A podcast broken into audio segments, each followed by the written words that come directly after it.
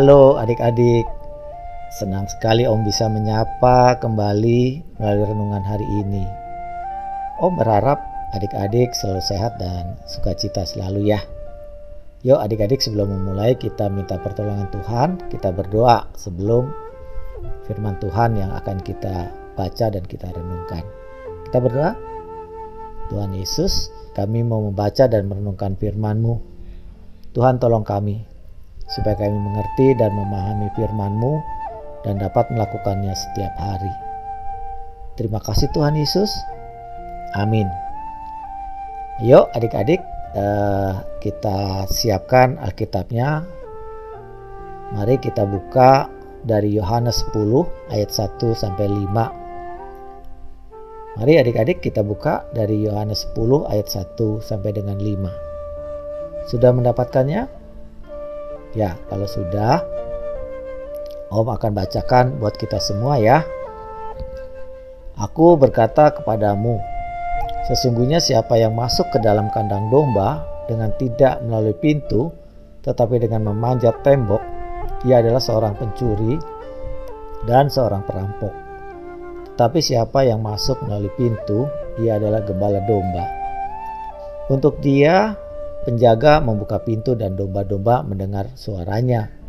Dan ia memanggil domba-dombanya masing-masing menurut namanya dan menuntunnya keluar.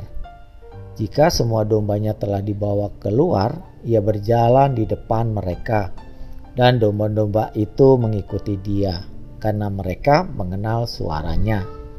Tetapi seorang asing pasti tidak mereka ikuti, malah mereka lari daripadanya karena suara orang-orang asing tidak mereka kenal.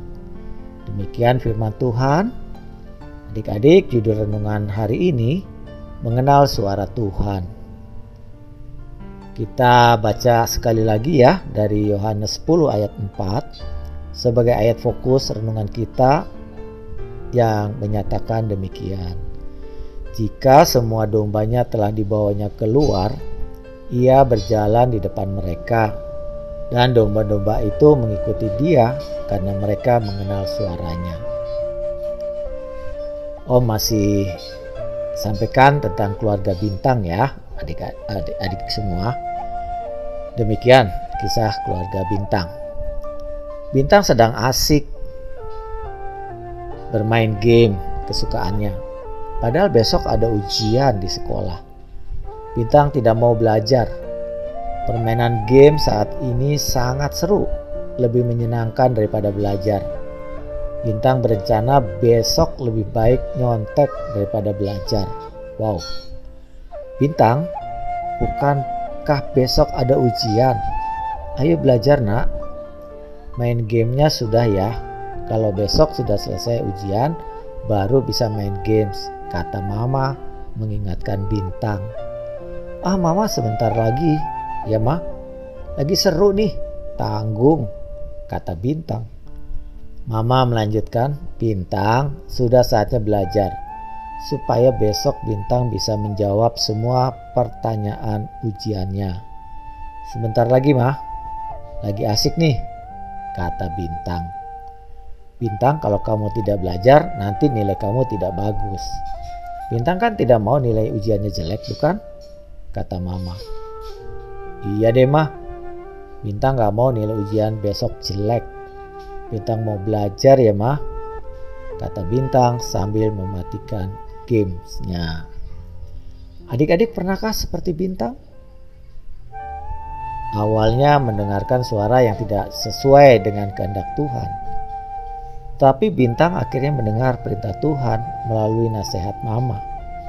Kita sebagai anak Tuhan hendaknya selalu mendengar suara Tuhan, suara yang menyerukan kebenaran. Tuhan bisa memakai orang tua kita, guru, atau siapa pun untuk menyampaikan kehendak Tuhan. Bagaimana caranya kita bisa mengenal suara Tuhan? Tentunya dengan rajin membaca Alkitab dan mendengarkan firman.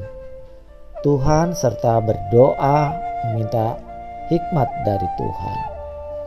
Kita akan bisa membedakan suara Tuhan dengan suara yang berasal dari si jahat. Mari adik-adik Kita katakan bersama-sama dengan tekad yang kuat. Aku mau mengenal suara Tuhan dan taat perintahnya. Kita ulangi ya, pendek nih. Aku mau mengenal suara Tuhan dan taat perintahnya. Kita berdoa ya. Bapa di surga, kami mengucap syukur atas semua kebaikan Tuhan. Tuhan selalu berbicara kepada kami. Kami sering tidak taat dan tidak peka akan suara Tuhan. Tuntun kami agar menjadi anak yang selalu mengenal suara Tuhan dan taat melakukan kehendak Tuhan. Terima kasih ya Tuhan. Dalam nama Tuhan Yesus kami berdoa. Amin. Nah, adik-adik demikian firman Tuhan dan renungan hari ini.